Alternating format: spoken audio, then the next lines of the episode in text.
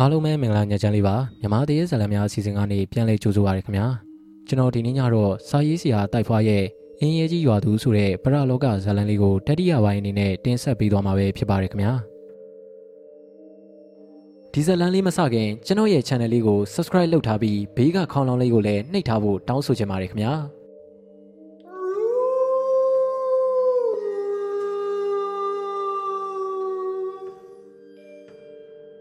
နောက်တနေ့ညနေခင်းကိုသားကြီးရဲ့ရက်ဆိုင်မှာကိုရင်ပြားတို့ညီကိုအရက်လာတော့တယ်။သူတို့ရဲ့မိတ်ဆွေကြီးဖြစ်တဲ့ကံကောင်းတို့တန်ချောင်းတို့အုပ်စုနဲ့ထွေရလေးပါစကားတွေပြောကြတယ်။ဟဲ့ကောင်ကိုပြားလေးမင်းတို့မနေ့ကရွာတန်းရှိရွာမှာအရက်သွားတော့တာဆို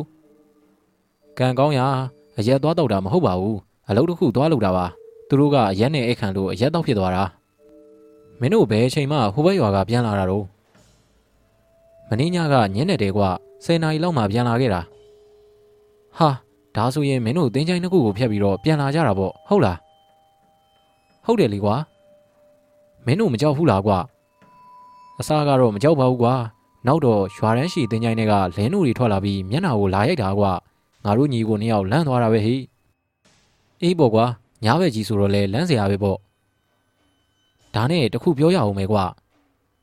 အေးဘာလဲပြောစမ်းမအောင်အဖြစ်ကဒီလိုဟိ ငါတို့ညီကိုနှစ်ယောက်ရွာတန်းရှိတင်းချိုင်းကအပြန်လင်းဆွဲတွေမျက်နှာလာရဲလို့လန့်ပြီးတော့ပြေးခဲ့တာငါတို့ရွာကဇရက်ကိုရောက်တော့အဲ့ဒီမှာမောတာနဲ့ခဏထိုင်ခဲ့ကြတယ်အေးဘော်ကကိုရွာကဇရက်ကိုရောက်တော့စိတ်တက်တက်လာတာပေါ့ဟုတ်တယ်မလားအေးဘော်ကွာဒါပေမဲ့အဲ့ဒီဇရက်မှာထိုင်နေတော့ထူးထူးဆန်းဆန်းတွေ့ရတယ်ကွာဟေးဘာကိုတွေ့တာလဲငါတို့ရွာကတင်းချိုင်းကူတွေအလုံးကဗတိုင်းပင်နေကြမှာမဲမဲကြီးကွာဟိုပင်ဒီပင်ကြားမှာကူးနေတာကိုတွေ့ရတယ် ဟေးဟုတ်လားမင်းပြောလို့ငါလည်းပြောရအောင်မယ်ဟိငါနဲ့တန်ချောင်းနဲ့လွန်ခဲ့တဲ့6လလောက်ကညဘက်ကြီးအဲ့ဒီတင်းချိုင်းနာကဖြတ်သွားတာငါတို့လည်းဗတိုင်းမနေကြမှာမဲမဲကြီးတကောင်ကိုတွေ့ရတယ်ဒါပေမဲ့ကြည်ရင်ကြည်ရင်နဲ့အဲ့ဒီမဲမဲအကောင်ကြီးကပျောက်သွားရောကွာအဲ့ဒါနဲ့ငါနဲ့တန်ချောင်းလည်းကြောက်ပြီးတော့ထွက်ပြေးလာတာပေါ့ကွာအေးကွာအဲ့ဒါဆိုရင်အဲ့ဒီအကောင်ကြီးကဘာကောင်လဲလူလားဝင်းညင်လားမသိဘူးငါကတော့အဲ့ဒီကိစ္စကိုတိတိကျကျစုံစမ်းနေတာ ကဲပါကွာနောက်မှစုံစမ်းတော့အခုတော့တစ်ခွက်တစ်ပလာချလိုက်တော့ဟိအဲ့ဒီအချိန်မှာပဲကိုသားကြီးရောက်လာပြီးတော့ကိုပြားလေးတို့အမီးယူအောင်မလားဘာအမီးရှိလဲဗျလဲကြွက်ကင်လည်းရှိတယ်စားဖားကြော်လည်းရှိတယ်ဒါဆိုရင်စားဖားကြော်တပွဲပေးဗျာစားဖားကြော်ကရှားရှားပါးပါးရထားတာကွာတာတီတို့အုပ်စုကဖားရိုက်တယ်ရွှေမီးတို့ညီမကသူတို့စီကဖောက်တယ်ယူပြီးတော့ငါးစီကိုလာရောက်တာ အဲ့ဒါနဲ့ပဲဘလို့ရှားရှားပါးပါးဖြစ်ရတာတော့။အော်ဒီလိုလေကွာတာတီးတို့ဖားရိုက်ပြီးတော့အပြန်ရွှေမီးတို့ညီမကိုဖောက်တယ်ပြီးဖို့စောင့်နေတော့ဒေါ်ဦးစာကြီးရောက်လာပြီးတော့ဖားရီတောင်းတယ်။အဲ့ဒီအဖွားကြီးကအတောင်းရဲတယ်လေကွာ။တကောင်တကောင်ပေးလို့လည်းမကြည့်နဲ့ဘူးကွာ။အများကြီးပေးမှကြည်နဲ့တာ။တာတီးတို့ကလည်းမပေးတော့တာတီးတို့အုပ်စုကိုချိန်ဆသွားတယ်တဲ့။အဲ့ဒါကြောင့်တာတီးတို့ကဖားရိုက်ထွက်ဖို့ခက်ကြောက်ကြောက်ဖြစ်နေလို့ရှားရှားပါပါဖြစ်နေတယ်လို့ပြောတာ။ဟုတ်ပါဗျာ။ ကျုပ်တို့ရွာမှာလောက်ကင်စားတော့ရတာပင်မကြက်တရတဲ့ထဲဒီဖွားကြီးကတမောက်အရေးတယ်သူကစိတ်မထင်ရင်ကျင်းစားတိုက်သေးတာအဲ့ဒီအဖွားကြီးကယူနေတာကွာသူကျင်းစားတိုက်တော့ဘာဖြစ်တော့ပြောချင်တာပြောတာပါကွာဒါလေးများတာတီးလိုအုပ်စုကဘာလို့ကြောက်နေတာတော့ကိုတာရေးကဒေါ်ဦးစားကြီးအကြောင်းကိုသူသိသလောက်ပြောပြတယ်ဒေါ်ဦးစားကိုတာတီးလိုအုပ်စုကကြောက်မယ်ဆိုရင်လည်းကြောက်လောက်တယ်ဗျတစ်ချိန်လုံးအရက်တောက်နေတဲ့တန်ချောင်းကဝင်ပြီးတော့ပြောတယ် ဘာလို့တော့တန်ချောင်းရပြောစမ်းမအောင်အဖွားကြီးကသူချိန်လိုက်ရင်ဖြစ်တတ်တယ်တဲ့နှုတ်စည်းတဲ့သဘောပေါ့ဗျာဒါကြောင့်သူ့ကိုကြောက်လန့်တာဖြစ်လိမ့်မယ်မင်းတို့ကလည်းကွာမျိုးဆက်တစ်တို့တိုးတက်မရဖဲခင်းနောက်ပြန်ဆွဲနေပြန်ပြီဟာခင်းနောက်ပြန်ဆွဲတာမဟုတ်ဘူးလေကွာလွန်ခဲ့တဲ့6လလောက်တုန်းကဒေါ်သိမ်းမိကြီးစီမှာကြက်တကောင်သွားတောင်းနေဒေါ်သိမ်းမိကြီးကကြက်ချန်ထဲမှာကြက်အကောင်များများမွေးထားတာကွာအဲ့ဒီအဖွားကြီးကနတ်တင်မိုးဆိုပြီးသွားတောင်းတာ ဒေါ်သိမ်းမိကြီးရဲ့ယောက်ျားကနတ်မယုံကြည်ရဲ့သူဖြစ်လို့ကြက်မပြီးတဲ့အပြင်ချိန်မောင်းပြီးတော့လွတ်လိုက်တာလေအေးကွာအဲ့ဒါတော့ငါလည်းကြားလိုက်တယ်နောက်တော့ရောဘာဖြစ်သွားတော့ကိုပြားလေးကတန်ချောင်းကိုလှမ်းပြီးတော့မေးတယ်ဘာဖြစ်ရမလဲကွာဒေါ်ဦးစာကသူ့ကိုချိန်မောင်းလွန်လိုက်လို့မကြည်မနှက်ဖြစ်ပြီးကြက်ချန်တွေကကြက်တီကြက်နာမိပြီးတော့တေးပါရောလားဟေးဟုတ်လားအဲ့ဒါနဲ့ပဲဒေါ်သိမ်းမကြီးကကြံတဲ့ကြက်တကောင်ယူသွားပြီးတော့ဒေါ်ဦးစာကြီးစီမှာသွားပြီးတောင်းပန်နေဆိုပဲ ဟုတ်တော့ဟုတ်နေပြီဟေးဒေါ်သိမ်းမကြီးကနက်ကားတဲ့မျိုးရိုးဆိုတော့နတ်ဆိုတာနဲ့ကြောက်တော့တာပဲကောင်းပါလေကွာဒေါ်ဦးစာကြီးကလည်းခက်ယူယူဒေါ်သိမီကြီးကလည်းနတ်ယူဆိုတော့ဟုတ်တော့ဟုတ်နေပြီအေးကွာအဲ့ဒါနဲ့ဒေါ်ဦးစာကြီးကလည်းသူချိန်လို့ဖြစ်တာဆိုပြီးသူကလည်းဘဝင်မြင့်သွားတာပေါ့ကွာဘာဒီမန်းကိုမသိပါဘူးကွာဒါရင်ဘဲကမတော့ကွာဒေါ်ဦးစာကြီးအတွက်ဘဝင်မြင့်ဖို့နောက်တစ်မျိုးရှိသေးတယ်ဟေးဘာရှိသေးတာတော့ကွာပြောစမ်းပါဦး မနစ်ကတကြံတော့ကဟိုဘက်ရွာကကာလာသားနှစ်ယောက်ဆိုင်ကယ်စီးပြီးတော့ရွာကိုလာတယ်တကြံတွင်းဆိုတော့ပြောကြပါကြတယောက်နဲ့တယောက်နောက်ပြောင်ကြည်စေကြတာပေါ့ကွာဖြစ်ချင်တော့ကိုကိုစုရွာကရွာသားနှစ်ယောက်ကအဲ့ဒီရွာကကုန်းတော်ကိုင်မဝင့်မုံကိုရီလာလောင်းတာကိုကိုစုရွာကကာလာသားတွေဆိုပေမဲ့သူတို့မိဘတွေကအင်းရဲကြီးရွာဇာတိဖြစ်ပြီးတော့ဟိုဘက်ရွာမှာလေယာကိုင်းကျွန်းလောက်ကင်နေလို့ကိုကိုစုရွာကကာလာသားတွေလို့ပြောတာအဲ့ဒီကောင်လေးနှစ်ယောက်ရဲ့နာမည်ကတင်ဝင်းနဲ့ဖုံးမြင်နဲ့ သူ့မိဘတွေကပတ်စံရှိတော့ဆိုင်ကယ်တစ်စီးဝယ်ပေးထားတယ်သူတို့မျိုးတွေကအင်းရဲကြီးရွာမှာရှိတော့ဒီဘက်ရွာကိုမကြာခဏလာလေးရှိတယ်ဒီရွာသူအချောလာဝင်းမုံကိုတင်ဝင်းကအတီလဲကြိုက်နေတာလေကွာတကြံတွဲမှာမော်တော်ဆိုင်ကယ်အသစ်နဲ့ရှိုးထုတ်ချင်တာနဲ့သူ့ရဲ့တငယ်ချင်းဖုံးမြင့်ကိုတင်ခေါ်ပြီးတော့အင်းရဲကြီးရွာဘက်ကိုရောက်လာတာရွာဦးမန်တက်ရှိရောက်တော့မုံလုံးကြီးပေါ်လုံးနေတဲ့ဝင်းမုံတို့အပြူအုပ်စုကိုတွေးလိုက်ရတယ်ငကိုကလေးကရင်နှီးပြီးသားဖြစ်နေတော့အပြူကောင်းဆောင်ရွှေမီကသူတို့ကိုခေါ်တယ် မုံလုံးကြီးပေါ်စားရအောင်မန်တက်ထဲဝင်ထိုင်ပါဦးဟုတ်ကဲ့ပါဒေါ်ရွှေမီရဲ့ကဲရော့စားပါတော့ဒီမှာမုံလုံးကြီးပေါ်တွေရွှေမီကတင်ဝင်းတို့အတွက်မုံလုံးကြီးပေါ်ပကံကိုလာချပေးရဲ့ကျေးဇူးပဲဒေါ်ရွှေမီကျွန်တော်တို့ကအဝါစားမှာနော်စားပါစားပါနောက်ထပ်လိုချင်ရင်လည်းထပ်ပြီးရုံမယ်ပြောပြောဆိုဆိုနဲ့မောင်တင်ဝင်းတို့နှစ်ယောက်ကမုံလုံးကြီးဘော်တွေကိုစားကြတယ်အုံသီးကလည်းနိုင်နိုင်ထညက်ကလည်းမွေ့မွေ့ဆိုတော့စားလို့ကောင်းတာပေါ့ဗျာ ဒီမုံလုံးကြီးဘော်လေးကစားရတာချိုစိတ်နေရပဲဟာစားလို့ကောင်းသလားတော့မပြောနဲ့ကိုလူကြီးဝင်းမုံရဲ့လက်ရလေးဆိုတော့တင်ဝင်းကစကားတော်မဆုံးသေးဘူးရှူးရှူးချဲချဲဖြစ်သွားတယ်ဟာဘလို့ဖြစ်တာတော့တင်ဝင်းကငရုတ်သီးစိန်ကိုက်မိလို့ဟာဒါဆိုရင်ဒေါ်ရွှေမီကြီးအချင်းယုံနေတာအေးကွာဒါကြောင့်လဲလွတ်ကိုသဘောကောင်းပြနေတာသူတို့ကတော့ငါတို့ကိုလှုပ်သေးရပဲသူတို့အုပ်စုကိုပညာပြရမယ် ဘလို့ပညာပြမှာတော့ကွာကြည့်နေကြည့်နေငါလှုပ်ပြမယ်မင်းကဆိုင်ငယ်ကိုဆန်နိုးပြီးတော့စောင့်နေငါလာတာနဲ့တချီရဲမောင်းပြေမယ်မင်းဘာလို့မလို့တော့ဟာမေးမနေနဲ့ဟိငါပြောသလိုလို့ဖုံးမြင့်ကလည်းတင်ဝင်းပြောတဲ့အတိုင်းဆိုင်ကယ်ကိုဆက်နိုးပြီးတော့အစင်သင်းစောင့်နေရဲ့တင်ဝင်းကဒေါ်ရွှေတို့အုပ်စုနာကိုသွားပြီးတော့ဒေါ်ရွှေမီတို့အဖွဲ့ကမောင်လုံးကြီးပေါ်ကြွေတာကျေးဇူးတင်ပါတယ်ကျေးဇူးတင်လုံးလုံးဆိုပြီးပြောပြောဆိုဆိုနဲ့ အနီးမှာရှိတဲ့ရေစီပိုင်းတွေကရေတွေနဲ့ဝင်းမုံတို့အုပ်စုကိုတစ်ခွက်ပြီးတစ်ခွက်လှမ်းပတ်တယ်အဲ့ဒါငရုတ်သီးစိမ့်ကျွေးလို့မြက်တာရေစင်ပတ်တာတင်ဝင်းခွေးကောင်ကြည်စမ်းငါတို့ကိုရေနဲ့ပတ်တယ်ဒီလောက်တောင်ဖြစ်လာတာနင်တို့ကိုအိုးမဲနဲ့တုံးမယ်ခင်ကြီးရေအဲ့ဒီကောင်ကိုဖမ်းတာငါအိုးမဲသွားတုတ်လိုက်အောင်မယ်အမလီမလုပ်ပါနဲ့ဗျပြေးပြီဗျို့တင်ဝင်းကရွှေမိဒလူလုံးမှန်မှန်သိလို့ဆိုင်ကယ်ကိုဆန်နိုးပြီးတော့အစင်းသင့်လှုပ်ခိုင်းထားတာလေ ဒီတော့တင်ဝင်းကဆိုင်ကယ်စီကိုအပြေးသွားပြီးနောက်ကနေခွာတက်လိုက်တယ်ဖုံးမြင်မောင်းတော်ဟိဟဲ့တင်ဝင်းနေအောင်လေဒီမှာအိုးမဲတွေ့လားကြောက်ပါပြီမရေနောက်နှစ်မှပဲထက်လာတော့မယ်သွားပြီဗျို့ဒီလိုသွားလို့ဘယ်ရမလဲလိုက်လိုက်ဖုံးမြင့်ကဒီအပြိုကြီးရဲ့ဇယိုက်ကိုသိနေတော့အဲ့ဒီနေရာကနေအမြန်ဆုံးစက်ကုံဖွင့်ပြီးမောင်းလာတယ်သူ့ရဲ့နောက်မှာတင်ဝင်းကခွာရက်နဲ့ကိုယူကာယာပါလာခဲ့တယ် တော်တော်လေးလှမ်းတော့မှအပြူကြီးတွေလည်းမောပြီးတော့ကြံခဲ့တယ်ဒါပေမဲ့ဆက်ရှင်ကတော့မလျှော့ရဲသေးဘူးရွာလန်းဆိုတာလည်းသိရဲ့အတိုင်းပဲလေခက်ချင်းချင်းနဲ့ကွိကွိကောက်ကောက်ဖြစ်နေတယ်လမ်းတစ်စစ်ချိုးကိုချိုးလိုက်တယ်ဆိုတာနဲ့လမ်းပေါ်မှာရှောက်လာတဲ့အဖွားကြီးတယောက်ကိုဝင်တိုင်းမိသွားတယ်အဲ့ဒီအဖွားကြီးကတော့တခြားလူမဟုတ်ပါဘူးဒေါ်ဥစာပါဒေါ်ဥစာကြီးကိုတိုက်မိသွားပြီးတော့ဒေါ်ဥစာကြီးကလမ်းဘေးမှာလဲကျသွားတယ်ဟဲ့ကောင်လေးနင်တို့မျက်စိမပါဘူးလား ဒေါ်ဥစာကကုန်းထားပြီးတော့အော်ဟေပြောဆိုတယ်ဟာအယူမဒေါ်ဥစာကြီးကိုတိုက်မိသွားပြီဘလို့လုံးမလို့အယူမကြီးကဒေါ်ရွှေမီတို့ထက်တောင်နှုတ်ကြမ်းသေးတယ်သူ့ကိုသွားပြောမှဆဲလို့နေအောင်ပဲကွာဆက်တာမောင်းတော့တင်ဝင်းကဒေါ်ဥစာနှုတ်ကြမ်းမဲသည်လို့ဆက်မောင်ဖို့အတွက်ဖုံးမြင့်ကိုပြောတယ်အဲဒါကြောင့်ဖုံးမြင့်ကအရှိန်တင်ပြီးဆက်မောင်းတယ်ဒေါ်ဥစာကြီးကသူ့ကိုလည်းတိုက်သေးတယ်တောင်းပန်တာလည်းမရှိတော့အရန်ကိုစိတ်ဆိုးသွားတယ်မိမဆုံးမဖမဆုံးမပေါ့လွတ်ပဲစားအကောင်ကြီး လူကြီးကိုဆိုင်ကယ်နဲ့တိုက်ပြီးမတောင်းမှန်တဲ့ကောင်ကြီးတေချင်းစိုးနဲ့တေးပါစီဆိုင်ကယ်မောက်ပြီးတေးပါစီဟဲ့ကောင်တင်းဝင်းအဖွားကြီးကကြိတ်နေပြီကွာငါကြောက်တယ်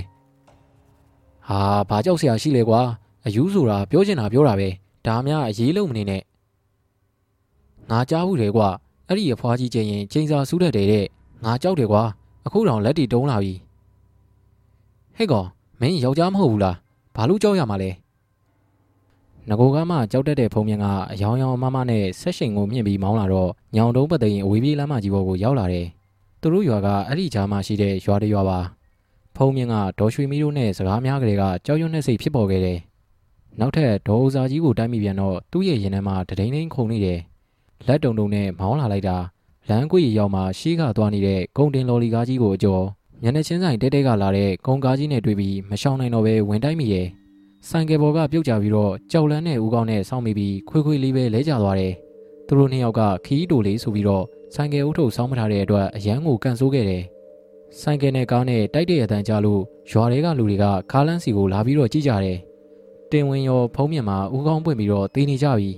ရွှေမီတို့အုပ်စုကလည်းဒီသတင်းကိုကြားလို့အပြေးလွှာလာကြည့်ကြတယ်သူတို့နှစ်ယောက်ရဲ့အဖြစ်ဆိုးကိုတွေ့တော့တင်ဝင်းတို့ဖုံးမြင့်တို့ရဲ့ငါတို့စိတ်မကောင်းပါဘူးဟဲ့ ရွှေမီကမျက်ရည်ဆန်းဆန်းဆန်းဆန်းနဲ့ပြောလိုက်တယ်ငါတို့သူတို့ကိုအိုးမဲထုံးမယ်ဆိုပြီးလိုက်လို့အတင်းမောင်းပြေးရင်ကုံတင်ကားနဲ့တိုက်မိတာလားမသိဘူးနော်ဟုတ်ပါရဲ့ဟဲ့ငါတို့ဘယောကမကင်းတယ်လို့ခံစားရတယ်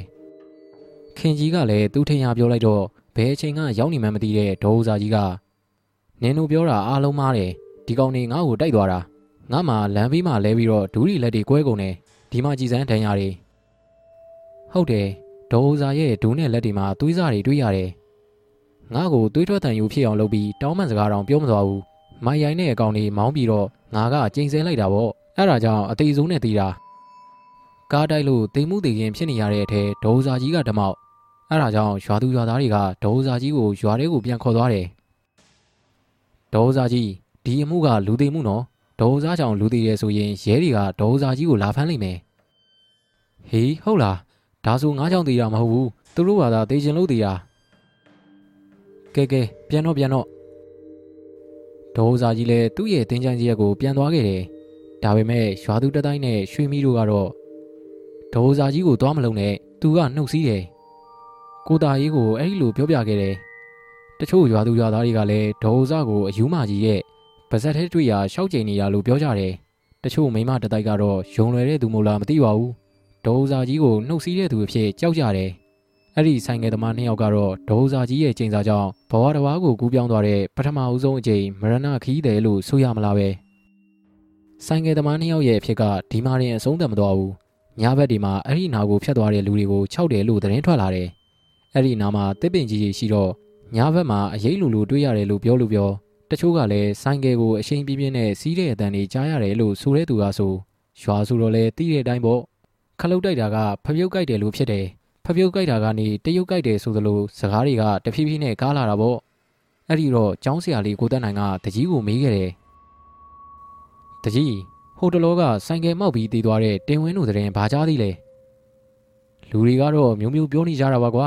ဆိုင်ကယ်မောက်တည်တဲ့နှစ်ယောက်ကမကြွမလွတ်တဲ့ဘဝနဲ့ခြောက်လန့်နေကြတယ်လို့ပြောတာပဲညဘက်ညဘက်မှာသူတို့တည်တဲ့နာကကုတ်ကုပင်ကြီးရဲ့နောက်ဘက်ကနေအရေးမဲမဲကြီးပဲထွက်လာသလို ဆိုင်ကယ်ဒရဂျန်မောင်းပြေတဲ့အတန်ကြီးပဲကြားရတယ်လို့လို့ပြောနေတာပဲဆရာလေး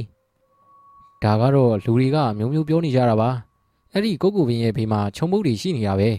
ညဘက်ညရောင်နဲ့လေးခတ်ပြင်းပြင်းတိုက်တဲ့အခါခြုံမုတ်တွေကလှုပ်တော့အရေးတွေကလည်းလှုပ်မှာပေါ့တကြီးရဲ့နောက်ပြီးဒီလမ်းမကြီးကကားတွေဆိုင်ကယ်တွေသွားနေတော့ဆိုင်ကယ်တန်ကြားရတာရောစမ်းလို့လားရွာသားတွေကလည်းခတ်ပါတယ်ကွာအရက်သမားတွေကလည်းအရက်မူးမှုနဲ့ထင်ရည်ပြောရွှေမီးတို့တတိုက်ကလည်းနတ်ဆိုတာနဲ့ယုံလိုက်တာပဲ တရေဆိုတာလည်းယုံလိုက်တာပဲသူတို့ယုံတာကအရေးမကြီးဘူးဗျကျွန်တော်နဲ့ဝစ်မုံနဲ့ဒုက္ခရောက်နေပြီတကြီးရဲ့ဘာကြောင့်တော့ပြောစမ်းမအောင်ဆရာလေးရဲ့ဆရာလေးနဲ့ဝစ်မုံကယူကြတော့မှာမလားဟုတ်ပါတယ်တကြီးရဲ့ကျွန်တော်တို့နှစ်ယောက်ကဒီຫນွေချောင်းပိတ်ရင်မင်္ဂလာဆောင်ဖို့တကြီးကိုတော့မိဘအရာထားမယ်လို့ပြောပြီးပြီပဲဒါဆိုရင်ဘာဖြစ်လို့တော့အဖြစ်ကတော့တင်ဝင်းတို့ဆိုင်ကယ်မောက်တဲ့ကိစ္စပေါ်တကြီးဟာကြုံနာလေအောင်ရှင်းပြပါအောင်ဆရာလေးရဲ့ တင်ဝင်းရဲ့မိဘတွေကတကြံမှာသူ့သားကဝဲမုံကိုချစ်ကြိုက်လို့ရေလာလောင်းတာသူတို့ကဝိုင်းလိုက်လို့ကြောက်ကြောက်နဲ့ဆိုင်ကယ်မောင်းပြေလို့တေးရတာပါဆိုပြီးဝဲမုံကိုရောဒေါ်ရွှေမိကိုပါမကျေနပ်ကြဘူးဒီနှစ်နွေရာသီမှာကျွန်တော်နဲ့ဝဲမုံနဲ့ယူမဲကိစ္စကိုကြားတော့ကျွန်တော်ကမကျေနပ်ဘူးဖြစ်နေတယ်အဲ့ဒါကြောင့်သူတို့မိဘတွေကကျွန်တော်တို့မင်္ဂလာပွဲလုပ်ရင်နှောက်ယှက်မယ်ဆိုတဲ့သတင်းတွေထွက်လာတယ်အဲ့ဒီတော့ဆရာလေးကဘလို့စီစဉ်ထားလို့လဲကျွန်တော်ကတော့ဝဲမုံနဲ့မြန်မြန်လက်ထပ်ချင်တာပေါ့တကြီးရာ အေးဗျာသူတို့မိဘတွေကလည်းအယူကိုတီးလုံးမာတဲ့ဆရာလေးရဲ့သူတို့သားကတရေဖြစ်တာတော့ဆရာတို့နှစ်ယောက်ကိုမကျေနပ်လို့အခုလိုခြောက်လန့်နေတာလို့ပြောနေကြတယ်လူသားစင်စင်နှစ်ယောက်မင်္ဂလာဆောင်ပါကိုတရေကမကျေနပ်ဘူးတဲ့ကြားမကြားဘူးပါအောင်တကြီးရဲ့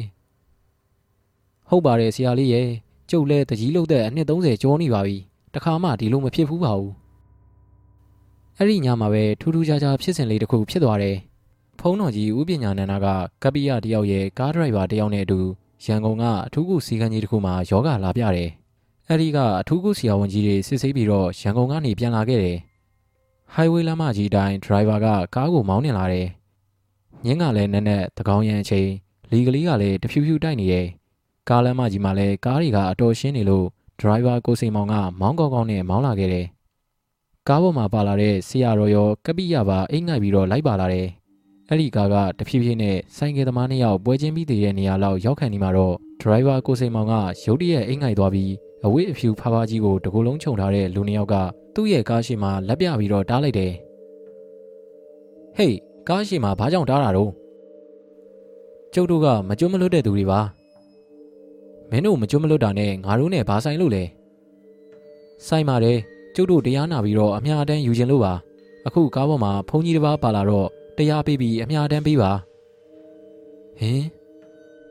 ဒရိုင်ဘာကိုစိန်မောင်ကရုတ်တရက်အိမ်ငတ်ရာကနေနိုးလာခဲ့တယ်သူငိုင်းလိုက်တဲ့အချိန်ကလည်းစက္ကန့်ပိုင်းလေးပဲသူလည်းလမ်းဖြန်ပြီးတော့ဘရိတ်ကိုစောင့်နေလိုက်တယ်ဒိုင်းကနေမိတန်နဲ့အတူဘရိတ်ကပေါက်သွားတယ်ကားကလည်းတုံကနေပဲရက်သွားခဲ့တယ်တကားစိန်မောင်ဘာဖြစ်လို့လဲဘရိတ်ပေါက်သွားလို့ပါဖေ။နောက်ပြီးတော့ဆက်ကလည်းရက်သွားတယ်။ဘာဖြစ်မှန်းမသိဘူးဖေ။ပြီးတော့ဆရာတော်ဖေကိုရှောက်တင်စရာရှိပါသေးတယ်။ တပည့်တော်လည်းမောင်းလာရင်နဲ့ဒီနားရောက်ခံဒီမှာဖြက်ကနေအိမ်ငိုက်သွားတယ်ဖေ။အိမ်မက်ထဲမှာအဝိဖြူကြီးကိုခြုံထားတဲ့လူနှစ်ယောက်ကတပည့်တော်ရဲ့ကားရှိကတားလို့ကားရက်လိုက်တယ်ဖေ။အဲ့ဒီလူဖြူဖြူကြီးကသူတို့ကမကြွမလွတ်လို့ဆရာတော်ကတရားပေးပြီးအများတန်းပေးပြီပါလို့ပြောပါတယ်ဖေ။အဲ့ဒီလိုလဲပြောပြီးတော့တပည့်တော်လည်းလန့်နိုးလာပြီးကားကိုဗရိတ်အုပ်လိုက်တာဗရိတ်ကပေါက်သွားတယ်ဖေ။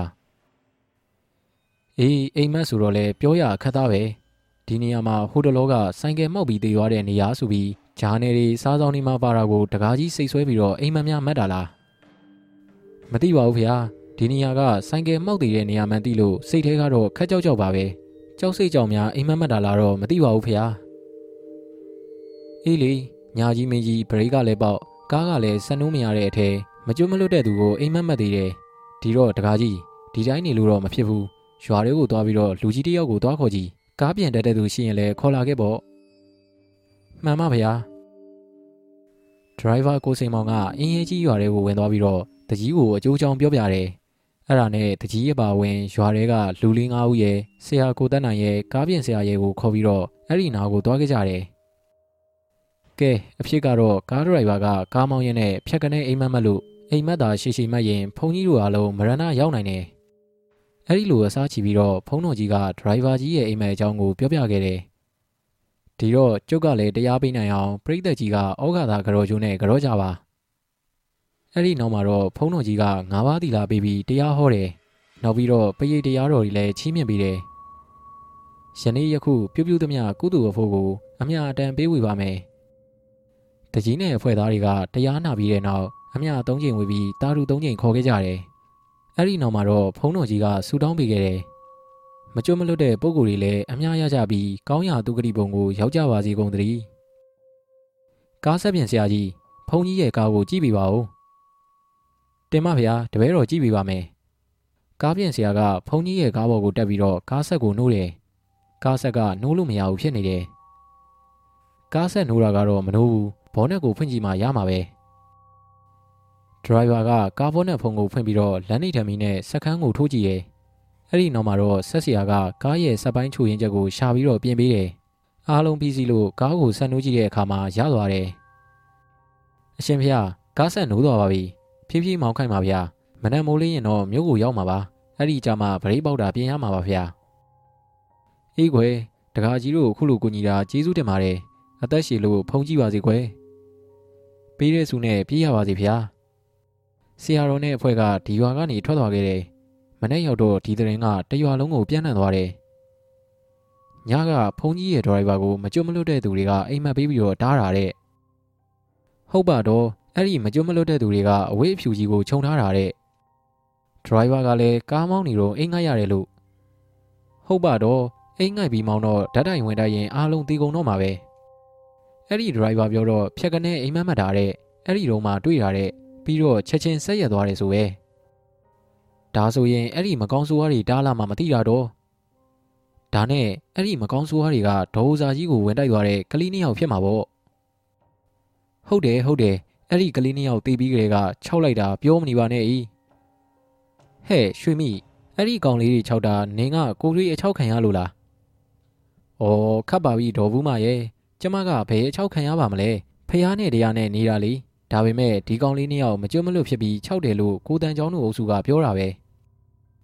အေးလေဘာပဲဖြစ်ဖြစ်ညင်းမနေကြပါနဲ့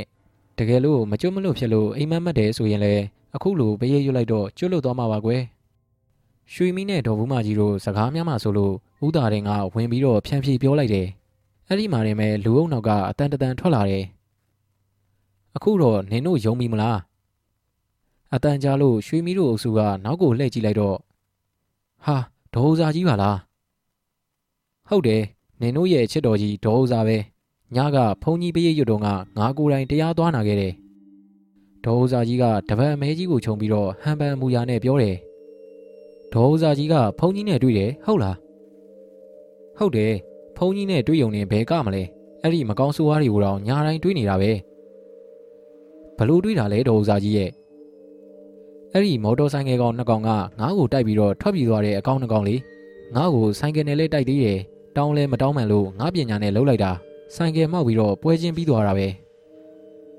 ဒေါ်စာကြီးရဲ့အဲ့ဒီကောင်တွေကဟိုဘက်ရွာကကောင်လေးတွေပဲပွဲချင်းပြီးသွားတယ်ဆိုတော့ဘယ်ကောင်းမှမလဲ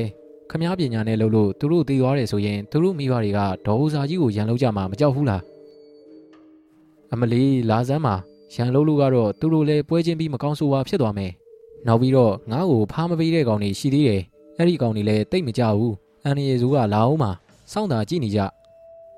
ဖားရိုက်တဲ့အုပ်စုကတာတီးတို့အုပ်စုမလားဟုတ်တယ်ဒင်းတို့အုပ်စုပဲ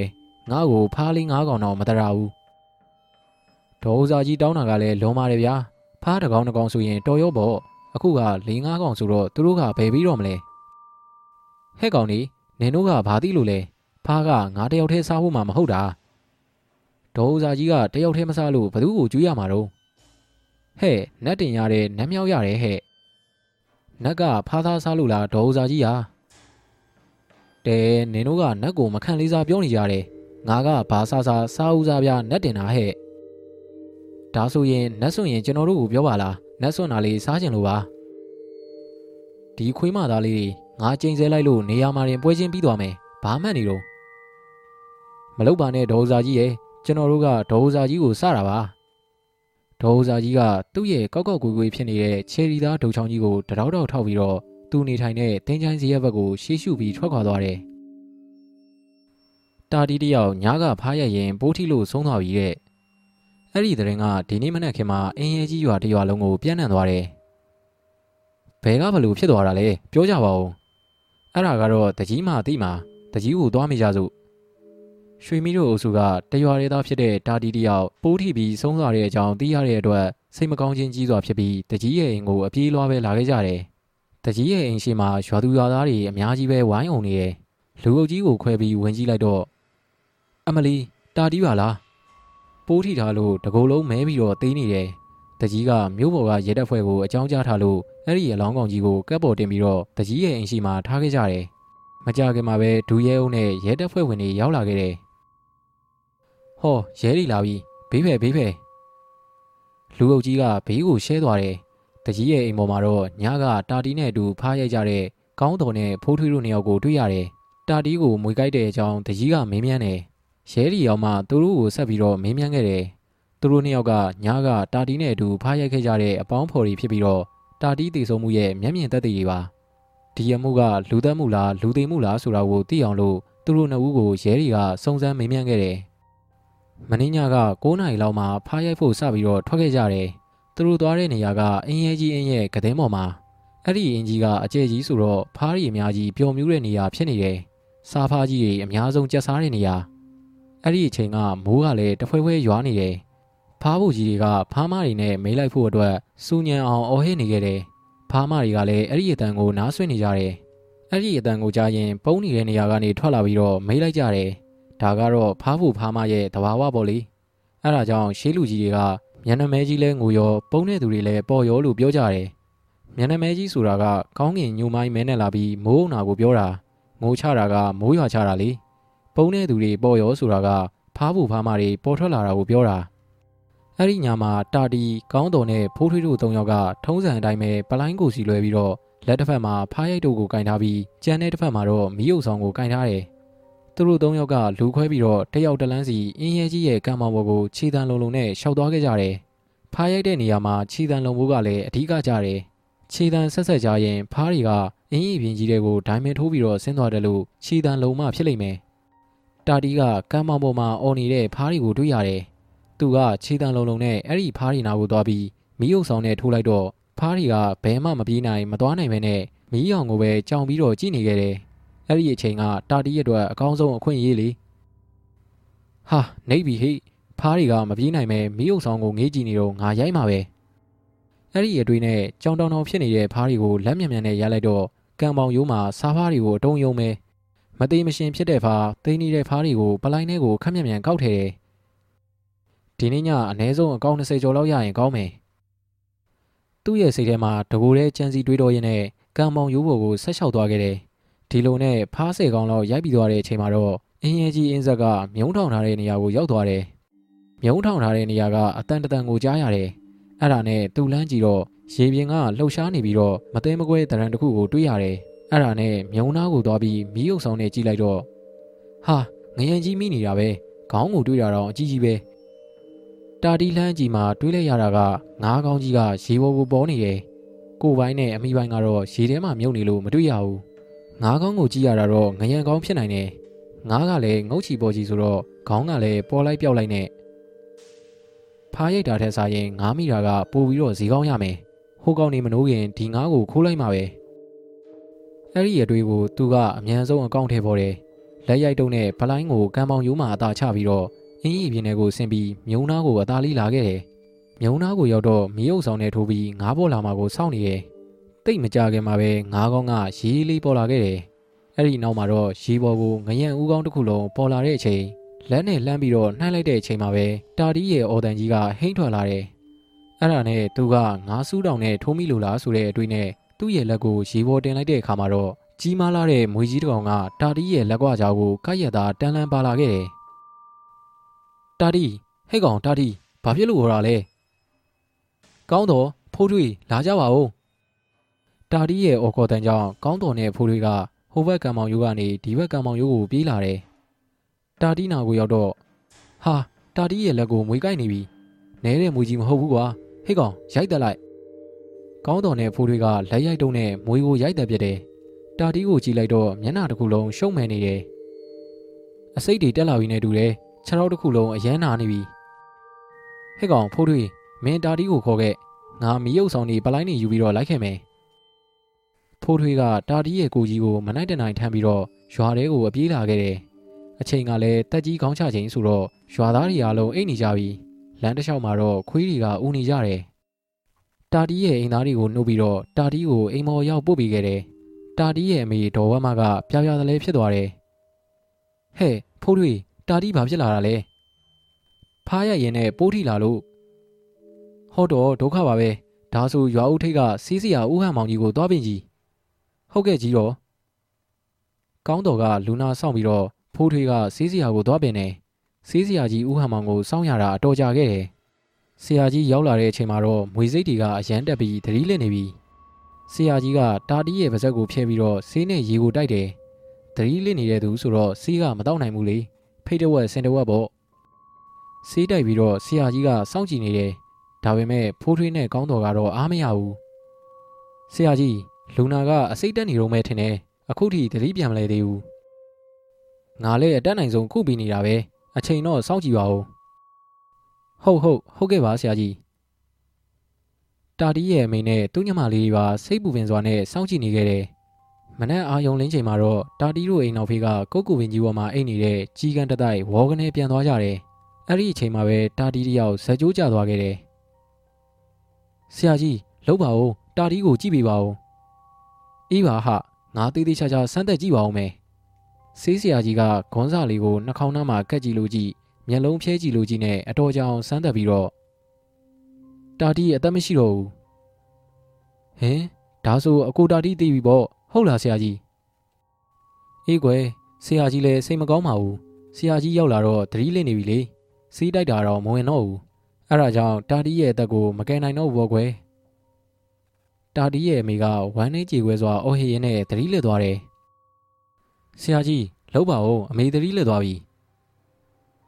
မဲတင်ကနှလုံးလေရိုက်သွားတာကွဒါကတော့ငါကုနိုင်ပါတယ်ကိစ္စမရှိပါဘူးနှာရှူုံနဲ့သတိပြန်ရစီရမယ်ဆရာကြီးကပြောပြောဆိုဆိုနဲ့နှာစည်းထည့်ထားတဲ့မိုင်းကန်ရွက်ကိုမီးရှို့ပြီးတော့ဒေါ်ဝမ်းမရဲ့နှာခေါင်းကိုတိတ်ပြီးတယ်ခဏကြာတော့ဒေါ်ဝမ်းမကသတိပြန်ရလာတယ်အမေအမေသတိထားအောင် တာတီးကတည်သွားတဲ့အထဲအမေကိုပါတခုခုအဖြစ်မခံနိုင်ဘူးဟုတ်ပါတယ်ကြီးတော်ရဲ့ကြီးတော်နေကောင်းအောင်နေပါတာတီးကိစ္စအလုံးကျုပ်တို့လုပ်ပါမယ်မနက်မိုးစင်စင်လင်းမိဖြစ်တာကြောင့်ကောင်းတော်ကရွာသားတွေကိုတိန်တက်ဆင်းပြောပြီးတော့တာတီးရဲ့အိမ်မှာကနက်ဖြင်းထိုးစပွဲကုံကားနဲ့အလုံးရှုပ်သွားတယ်။တရွာလုံးမှာတော့တာတီးတယောက်ပိုးထီလို့ဆုံးပြီဆိုတဲ့သတင်းကတမဟုတ်ချင်းပဲပြန့်နှံ့သွားတယ်။ရွာသူရွာသားတွေကဒီသတင်းကိုကြားတော့အယမ်းကိုအံ့ဩသွားတယ်။ တာတီးကိုမင်းညာကတော့ရက်ဆိုင်မှာတွေးလိုက်သေးရဲ့။ဟုတ်ပါကွာမင်းကညနေကတော့ကြက်တိုက်တဲ့ဝိုင်းမှာအော်နေတာတွေးခဲ့သေးတာပဲ။အေးကွာနေအမြင်ညပြောက်ဆိုတာဒါမျိုးနေမှာပေါ့ကွာအဲ့ဒီလိုမျိုးဟိုတစုဒီတစုပြောဆိုနေခဲ့ကြတယ်အယူသီးတဲ့လူတချို့ကလည်းတာတီးတို့အုပ်စုကိုဒေါ်ဦးစာကြီးကမကြည့်နဲ့လို့ချိန်စာတိုက်ထားသေးရဲ့မလားဟုတ်ပါဟုတ်ပါအခုမှသတိရတယ် ဒေါ်ဦးစာကြီးကသူတို့အုပ်စုကိုမကြခင်ငါအကြောင်းသိမယ်ဆိုပြီးချိန်စာတိုက်ထားတာအခုတော့အရင်ဆုံးတာတီးကိုထိသွားပြီဟဲ့တိုးတိုးပြောကြပါဟဲ့တော့ကြဖိုးထွေးတို့ကောင်းတော်တို့မျိုးတွေကြားသွားလို့ငါတို့ကိုလာပြီးရန်တွေ့နေပါဦးမယ်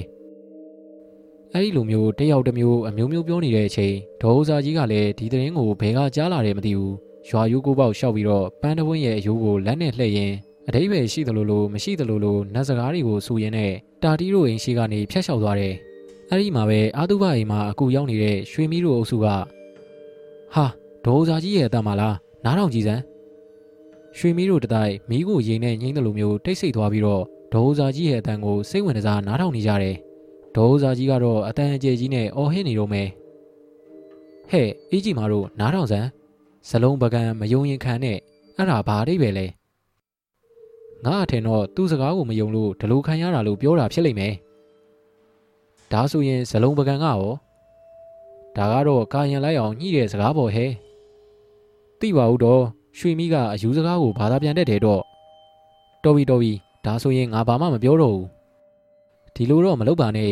ညီကငါတို့ထဲမှာညံအကောင်းဆုံးပါထပ်ပြီးတော့ဘာသာပြန်ပါဦးကျုပ်ကလည်းတိတ်ပြီးတော့တိတာမဟုတ်ဘူးရမ်းတန်ပြီးတော့ဘာသာပြန်ရတာအေးပါအေးဆက်ပြီးတော့ပြောစမ်းပါဦး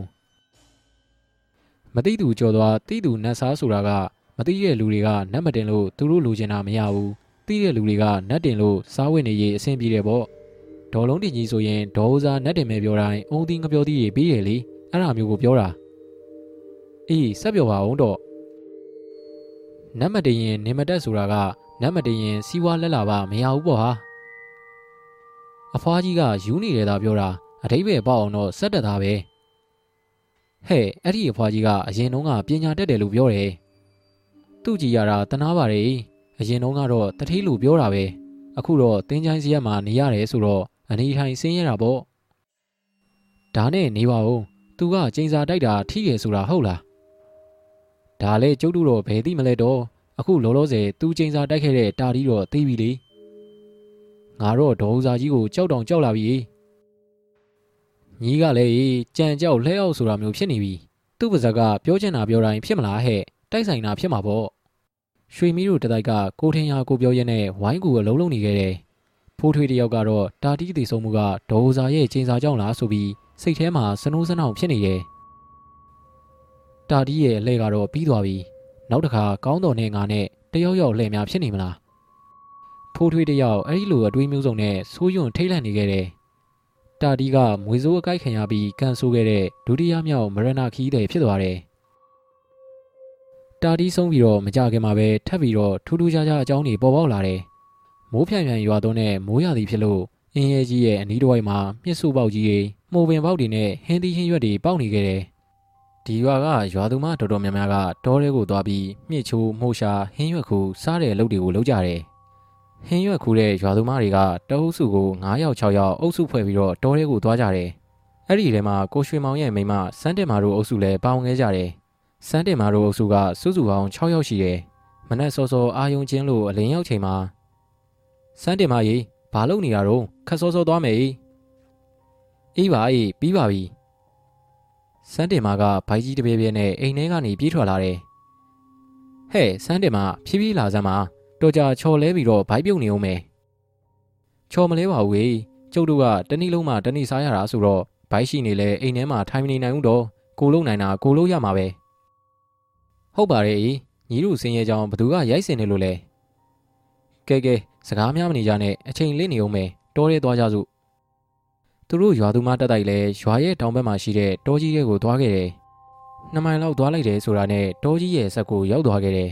တဖြည်းဖြည်းနဲ့ဆက်လျှောက်သွားရင်ဝယုံမင်းအစုစုတွေကိုတွေ့ရတယ်ဝယုံမင်းရဲ့အောက်ခြေမှာတော့ဟောဟိုမှာမြစ်စုပေါက်ကြီးတွေအများကြီးပဲဟိခင်တန်းကဝမ်းသာအရာအော်ပြီးတော့မြစ်စုပေါက်ကြီးတွေရှိတဲ့နေရာကိုအတင်းမဲ့ပြေးသွားတယ်ခင်တန်းရဲ့နောက်ကမိတင်ကလည်းအပြေးလိုက်သွားတယ်သူတို့ရဲ့နောက်ကစိန်သေးကလည်းဓားကင်ပြီးတော့လိုက်သွားတယ်။အဲ့ဒီမြစ်စုပ်ပေါက်ကြီးတွေကိုသူတို့၃ယောက်ကတူးနေကြတယ်။ကျန်တဲ့၃ယောက်ကတော့နောက်ထပ်မြစ်တွေမှုတွေချိုးဖို့အတွက်ရှေ့ကိုဆက်ပြီးတော့ထွက်လာတယ်။ သူတို့အုပ်စုကဘာပစ္စည်းရရအားလုံးအထူးတူရဲ့လေ။အားလုံးရထားတဲ့ပစ္စည်းတွေကိုနောက်ကြမှာအညီအမျှခွဲကြတယ်။ဒါကသူတို့လုံနေကြပါ။အဲ့ဒါကြောင့်ပထမအဦးဆုံးတွေ့တဲ့မြစ်တွေကိုခင်တန်းတို့အုပ်စုတူးနေတော့ကြံတဲ့သူတွေကဆက်ပြီးတော့မှုရှာမြစ်ရှာထွက်ခဲ့ကြတယ်စန်းတင်မအပါဝင်ကျန်းတဲ့၃ယောက်ကခင်တန်းတို့မြစ်တူးနေတော့တောင်ပေါ်ကိုဆက်ပြီးတော့တက်ခဲ့တယ်။တော်တော်ဝေဝေးကိုသွားလိုက်တယ်ဆိုတာနဲ့လဲကျနေတဲ့တစ်တုံးတွေရဲ့အောက်ဘက်နဘေးဆက်မှာဟာဟိုမှာမှုဝင့်နေအများကြီးပဲ။ မှုဝင်လေးတွေကတအုပ်စီတအုပ်စီအစီအီထွက်ပေါ်နေတာမှုခင်းကြီးတစ်ခုလိုဖြစ်နေတယ်။စန်းတင်မကြီးညီကဟိုဘက်ကခူးငါတို့ကဒီဘက်ကခူးမယ်။အေးအေးဟုတ်ပြီဟုတ်ပြီ။စန်းတင်မတို့၃ယောက်ကမှုတွေကိုနှုတ်ပြီးတော့လွယ်ထားတဲ့ပလိုက်နဲ့ထည့်လိုက်နှုတ်လိုက်နဲ့အတော့ကိုလှုပ်ရှုပ်နေရဲ့ဒလောင်များတဲ့မိုးတွေကိုတခါမှမရဘူးလို့သူတို့အုပ်စုကအရန်ကိုဝမ်းသာနေခဲ့တယ်။စန်းတင်မကြီးဒလောင်များတဲ့မိုးတွေရွာရောက်လို့ရောင်းလိုက်ရင်တော့ပတ်စံတွေအများကြီးရမှာတော့။ ဟုတ်တယ်အေးအဲ့ဒီပတ်စံတွေစုပြီးတော့ဝါကျွတ်အတွက်ထမိန်အင်ကြီးဝဲဝေးရမယ်။သူတို့အားလုံးကမှုရတဲ့မျက်နှာနဲ့ငွေရမဲ့ခင်းကိုတွေးပြီးတော့ပျော်ရွှင်နေကြတယ်။မှုတွေကလည်းခူးလို့ကိုမကုန်နိုင်ဘူးစန်းတင်မာကတော့မကြခင်မီးဖွားရမှာမို့မီးဖွားစရိတ်ကောင်းကောင်းရပြီဆိုတဲ့အတွေ့နဲ့ဝမ်းသာနေခဲ့တယ်။ဒါပေမဲ့စန်းတင်မာရဲ့ဝမ်းသာပျော်ရွှင်နေတဲ့အချိန်လေးကတိတ်ပြီးတော့မကြရှိခဲ့ဘူး။မှုခူးနေတဲ့အချိန်မှာပဲဒုက္ကနဲအတန်နဲ့အတူသူမရဲ့ခြေမျက်စိအထက်နားမှာနာကျင်သွားခဲ့တယ်။ ကြည့်လိုက်တော့မွဲပြပြနဲ့မွေးတကောင်ကရှော့ကနေပဲမြတ်တော်လေးကိုပြေးဝင်သွားတယ်။ဟောတော့ငါ့ကိုမဝေးကြိုက်သွားပြီနဲ့တူတယ်။စန်းတင်မာကအလန်တကြားអော်လိုက်တော့ကြံတဲ့နှစ်ယောက်ကမွေကိုလှမ်းကြည့်ပြီးဟုတ်တယ်မပွေးပဲနင်းကိုကိုက်မိသွားလားပြစမ်းသူတို့ကစန်းတင်မာရဲ့ခြေထောက်ကိုငုံကြည့်လိုက်တော့ညာဘက်ခြေထောက်ခြေမျက်စိရဲ့ဌာနမှာအဆွေရနှစ်ခုကိုတွေ့ရတယ်ဟာစန်းတင်မာကတော့ပိုးထိသွားပြီးရွာကိုအမြန်ဆုံးပြန်မဖြစ်မယ် ဟဲ့စန်းတင်မာနင်းမလို့နေသေးလဲခြေထောက်ကတဖြင်းဖြင်းနဲ့အစိတ်တွေတက်လာသလိုပဲဒါဆိုရင်ဒီတော့တွေကအမြန်ထွက်မှဖြစ်မယ်သူတို့နှစ်ယောက်လည်းစန်းတင်မာကိုတွဲပြီးတော့တောတွေကနေထွက်လာကြကြတယ်သူတို့အပြန်မှာစောစောကမြစ်တူးနေတဲ့အုပ်စုကဟဲ့စန်းတင်မှာဘာဖြစ်လို့တွဲလာတာတော့စန်းတင်မှာပိုးထီလို့ဟိဟာဒုက္ခပါပဲဒါဆိုမြန်မြန်သွားဟိငါတို့လည်းမြစ်ချိုးပြီးရင်လိုက်ခဲ့မယ် စန်းတင်မာတို့အုပ်စုကရွာတွေကိုအမြန်ဆုံးပြန်လာခဲ့ကြတယ်ရွာကိုရောက်တော့စန်းတင်မာရဲ့ယောက်ျားကစီးစရာကိုသွားခေါ်ပြီးပြခဲ့တယ်ထူးဆန်းတာကတော့စန်းတင်မာကမွေဝေးအကိုက်ခံရတယ်သာဆိုတယ်ဘာမှမဖြစ်ဘူးအကောင်းမကလေးပဲအဲ့ဒါကြောင့်စီးစရာကြီးကတော့မဝေးကြိုက်တာတေးကြရဲ့လားစန်းတင်မတေးကြပါတယ်ဆရာကြီးရဲ့ကျမကိုယ်တိုင်တေးသေးချာချာတွေးလိုက်တယ်ကြည်ဦးလို့လည်းတွေးလိုက်တယ်ဟုတ်ပါတယ်ဆရာကြီးကျမတို့ကိုယ်တိုင်မဝေးကိုတွေးလိုက်တာပါ မပွေးကြိုက်တယ်ဆိုရင်အစိတ်တွေပြန့်ပြီးတော့အခုချိန်အစိတ်တက်နေလောက်ပြီးမပွေးကြိုက်တာမဟုတ်လို့နေမှာလူနာကတော့ကောင်းနေတာပဲဒီတော့ဘာဆေးမှတိုက်ဆရာမလို့တခုခုဖြစ်ရင်သာအမြန်လာခေါ်လက်အခုတော့ဆရာကြီးပြန်လိုက်အောင်မယ်ဟုတ်ကဲ့ဟုတ်ကဲ့ပါဆရာကြီးဆေးဆရာကြီးကအဲ့လိုပြောပြီးတော့ပြန်သွားခဲ့တယ်အားလုံးကစန်းတင်မာရဲ့ထူးခြားတဲ့အဖြစ်အပျက်ကြောင့်အံ့ဩပါနဲ့ဖြစ်နေတယ်စန်းတင်မာကမပွေးအကိုက်ခံရပေမဲ့ဘာမှမဖြစ်ဘူးပဂရီလူကောင်းလိုမျိုးဖြစ်နေတယ် စန်းတင်မာရဲ့ထူးခြားတဲ့အဖြစ်အပျက်ကြောင့်တချို့ရွာသူတွေကစန်းတင်မာကိုမပွေးကိုက်တာတော့ဘာမှမဖြစ်ဘူးလေတော့ဟုတ်ပါတော့ကျုပ်တို့ကလည်းဖြစ်စီခြင်းလို့ပြောတာတော့မဟုတ်ပါဘူးစန်းတင်မာကဘာသာနဲ့ထုထားတာမလို့မပွေးကိုက်တာတော့ဘာမှမဖြစ်ရတာလေဒါဆိုရင်မပွေးကိုက်တာမဟုတ်လို့နေမှာပေါ့တော့ဟုတ်ချင်လဲဟုတ်မှာပေါ့အပမိတယ်ဆိုတာအကြာကြီးနေလို့မရဘူးလေဒါဆိုရင်လည်းစောင့်ကြည့်ကြတာပေါ့ကြီးဒီလိုနဲ့စန်းတင်မာရဲ့အဖြစ်ဆန်းကြောင့်အားလုံးကတန်တော်ဖြစ်နေကြတယ် စန်းတင်မာကတော့အေးအေးဆေးဆေးပဲနောက်တလားလောက်ကြာမှာတော့အာယုံမလင်းတလင်းအချိန်မှာကိုရှိမောင်ထဆမ်းမအောင်တော့ဘာဖြစ်လို့လဲစန်းတင်မာရဲ့ကျုပ်ဘိုင်ရမ်းနာနေပြီလက်သေးတော်ဖားကြီးကိုသွားခေါ်ပြီးစမ်းပါအေးငါသွားခေါ်လိုက်အောင်မယ်ကိုရွှေမောင်ကမကြခင်မှာပဲလက်သေးဒေါ်ဖားကြီးနဲ့အတူပြန်ရောက်လာခဲ့တယ်။လက်သေးဒေါ်ဖားကြီးကစန်းတင်မရဲ့အခြေအနေကိုစမ်းသက်ကြည့်ပြီးတော့ရွှေမောင်ကြီးမွေးကန်နီးပြီဟိရေနွေးအစင်းသင်းလုပ်ပေး။ တပူးထဲမှာထည့်ထားတယ်။အေးအေးဒါဆိုရင်မင်းအပြင်မှာစောင့်နေအကြောင်းရှိရင်ခေါ်လိုက်မယ်။ဟုတ်ကဲ့ဟုတ်ကဲ့ရွှေမောင်ကအခန်းပြင်ဘက်မှာစောင့်နေတယ်။စန်းတင်မဘိုင်းနာနေပြီဆိုလို့အိမ်နီးချင်းတွေလည်းရောက်လာပြီးသူမကိုစောင့်ပေးကြတယ်။အဲ့ဒီအထဲမှာရွှေမီတို့အုပ်စုကအကဲဆုံးပဲ။သူတို့အုပ်စုထဲမှာတချို့ကစန်းတင်မာကိုအပမီနေတယ်လို့ထင်ထားခဲ့တာလေတချို့ကလည်းမယုံကြပါဘူးအဲ့ဒါကြောင့်ဘိုက်ဆောင်ရင်နဲ့စန်းတင်မာရဲ့အခြေအနေကိုစောင့်ကြည့်နေခဲ့ကြတယ် တိတ်မကြခင်မှာပဲကလေးငိုတဲ့အတန်ကိုကြားလိုက်ရတယ်စန်းတင်မာမွေးပြီးတော့ဘာလေးမွေးလဲယောက်ျားလေးဟိယောက်ျားလေးရဲ့တော့ကိုရွှေမောင်ကယောက်ျားလေးမွေးလို့အယမ်းဝမ်းသာသွားတယ်လက်တဲ့တော်ဖားကြီးကကလေးကိုပြုစုမှုလုပ်ပေးပြီးအနီးနဲ့ထွေးပေးပြီးတော့စန်းတင်မရဲ့နဘေးမှာကလေးကိုချတယ်ဟဲ့စန်းတင်မနင်းကလေးကတော်တော်ထွားတာပဲကြီးလိုက်စမ်းဟဲ့စန်းတင်မစန်းတင်မခေါ်လို့လဲမရတော့ပါလား အကျိုးတော့နဲပါပြီတော့တွေးတက်ပြီးတော့သတိလစ်နေပြီလက်တဲ့တော်ဖားကြီးကလည်းသတိလစ်နေတဲ့စန်းတင်မကိုကြည့်ပြီးတော့ပြာရာခတ်သွားတယ်နောက်တော့အခန်းပြင်ကိုထွက်လာပြီးကိုရွှေမောင်ကိုတိုးတိုးပြောတယ်ရွှေမောင်နေမိမတော့တွေးတက်ပြီးသတိလစ်နေတယ်ငါတယောက်တည်းမနိုင်ဘူးစေးစရာကြီးကိုသွားပင်ကြီးကိုရွှေမောင်ကလည်းဆေးဆရာကြီးကိုအပြေးလေးသွားပင်နေဆေးဆရာကြီးရောက်လာပြီးစန်းတင်မာကိုကြည့်တော့ခြေထောက်တွေကမဲပြနေတယ်လက်တွေမှာလည်းညိုစားပြုတ်နေပြီ ဒါကအစိတ်မိတဲ့လက္ခဏာပဲဟိုတခါမွေးကိုက်ခံရဘူးတဲ့ကိုဝင်နဲ့ဆိုတော့အစိတ်ကမပြတ်မဲနေလိမ့်မယ်မွေးပြီးတော့မှမွေးစိတ်ပြန့်သွားတာဖြစ်လိမ့်မယ်ဒီတော့မွေးစိတ်ဖြည့်စီတိုက်မှဖြစ်မယ်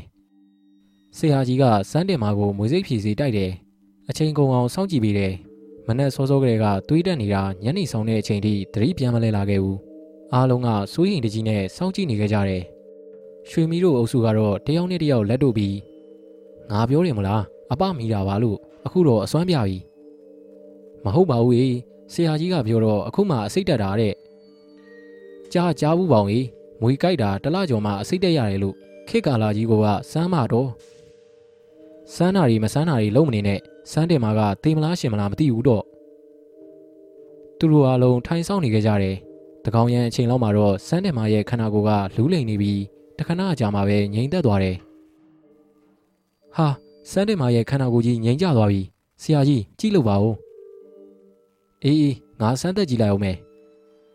ဆရာကြီးကစန်းတင်မာကိုစမ်းသက်ပြီးတဲ့နောက်ပြောရမှာတော့စိတ်မကောင်းပါဘူးစန်းတင်မာကတည်သွားပြီဆရာကြီးရဲ့စကားကြောင့်သူတို့အားလုံးအံ့အားသင့်သွားတယ်။ရွှေမီးတို့အုပ်စုတွေကတယောက်ကအဲ့ဒါကြောင့်ငါပြောတယ်မလားအပမိတာပါလို့အခုကအပကထွက်သွားတော့တည်သွားပြီပေါ့။အေးဟဲဘလို့နားလေရမယ်တော့မသိတော့ဘူး။ တနာပါတယ်စန်းတင်မာကတည်သွားပြီဆိုတော့ကိုရွှေမောင်တော့ကလေးတယောက်နဲ့ဒုက္ခပါပဲ။ဟုတ်ပါရဲ့ဟုတ်ပါကိုရွှေမောင်ကတော့စန်းတင်မာရဲ့မျက်နှာလေးကိုကြည့်ပြီးငိုးနေတယ်။မြင်ရတဲ့သူအပေါင်းအတွက်တော့စိတ်ထိခိုက်စရာဖြစ်နေတယ်။ရွာမှာလူသေးပြီဆိုတော့ထုံးစံအတိုင်းသုံးရက်ထားပြီးမှတုတ်တန်ကိုပို့ခဲ့ကြတယ်။ကိုရွှေမောင်ကလည်းတနည်းလုံးမှတနည်းစားရတာဆိုတော့ငွေရေးကြေးရေးကချိုးတဲ့တယ်။စန်းတင်မအတွက်အကောင့်လုပ်ဖို့ပြင်ဖို့တော့မရှိဘူး။ ကဲပြင်ဖို့မတတ်နိုင်လဲဖြာပတ်ပြီးသားချပြီးတော့စန်းတင်မရဲ့အာတုဘကိုဖြာပတ်ပြီးတော့ချခဲ့ရတယ်။ဒါကတော့စင်းရဲသားတွေရဲ့မလှပတဲ့အာတုဘမြင်ကွင်းတစ်ခုပေါ့။ကြီးစီထူတန်တဲ့အတူစန်းတင်မရဲ့အလောင်းကိုဖြာနေပတ်ပြီးတုတ်တန်စီကိုတရွေ့ရွေ့ထမ်းသွားခဲ့တယ်။ရွာလန်းတစ်လျှောက်မှာတော့ခွေးတွေကတအူနဲ့ရွာသူရွာသားတွေကသဘောကောင်းတဲ့စန်းတင်မာနဲ့ကိုရွှေမောင်တို့ကိုတနာကြတယ်။ဒါပေမဲ့မလွန်ဆန်နိုင်တဲ့သင်္ခါရသဘောတရားကိုဘသူကတားဆီးလို့ရမှာလဲ မကြခင်မှာပဲစန်းတင်မာရဲ့အလောင်းကတုတ်တန်စရာဘုတ်ကိုရောက်လာပြီးဆရာတော်ကတရဏဂုံတင်ပေးတယ်အားလုံးပြီးတော့အစင်းတင်တူးထားတဲ့တွင်းထဲကိုမြေဖို့ခဲ့ကြတယ်တုတ်တန်မှာရှိနေတဲ့ဒေါ်စာကြီးကစန်းတင်မာရဲ့အလောင်းမြေဖို့တာကိုကြည့်ပြီးတော့စန်းတင်မာရဲ့နင်းသေးတာငါလဲစိတ်မကောင်းပါဘူးဟဲ့နင်ကမြစ်တွေမိုးတွေပေးတယ်သဘောလဲကောင်းတယ်ပြီးတော့နင့်မှာကလေးတစ်ယောက်လဲကြံခဲ့တယ်နင်းသေးမဲ့အစားငါသေးဖို့ပဲကောင်းတယ်ငါမှတနေ့တနေ့စားဖို့ရှာနေရတယ် ငါ့ကိုဘယ်သူမှမကြွေးမပေးချင်ကြဘူးငါကကန်ဆိုးပါတယ်ဟဲ့စန်းတင်မကြီးနင်ကတော့မှုန်နှုတ်မြစ်ချိုးတဲ့ဘဝကနေလွတ်မြောက်သွားပြီပေါ့ငါမှသာဟိုတောင်းတီတောင်းနဲ့တေကလည်းမသိနိုင်ရှင်နေပြန်တော့လဲတန်မိုးမရှိတဲ့ဘဝနဲ့ဘလောက်များနေရအောင်မယ်မသိပါဘူးငါသိချင်ပါတယ်အမေအိုတယောက်ရဲ့ခံစားချက်နဲ့မျက်ရည်ကိုတော့ဘယ်သူမှမသိခဲ့ကြပါဘူးဒါပေမဲ့မွေးရလွန်ပေါ်တဲ့အင်းရဲကြီးရွာမှာတတိယအကြိမ်မြောက်မရဏခီးကိုတွားခဲ့တဲ့သူက ရွှေမောင်ရဲ့မိမစန်းတင်မှာပဲပေါ့စာရေးဆရာတိုက်ဖွားရဲ့အင်းရဲကြီးရွာသူဆိုတဲ့ပရာလောကဇလံတတိယပိုင်းကတော့ဒီမှာရင်ပဲပြီးဆုံးသွားပါပြီခင်ဗျာနားထောင်သူမိတ်ဆွေများအားလုံးကိုစိတ်နှဖျားကျမ်းမာချမ်းသာကြပါစေခင်ဗျာဒီဇလံလေးကိုကြိုက်တယ်ဆိုရင်အောက်မှာ like လုပ်ပေးဖို့တောင်းဆိုချင်ပါတယ်အားလုံးပဲအိမ်မက်လာလာမကြပါစေခင်ဗျာ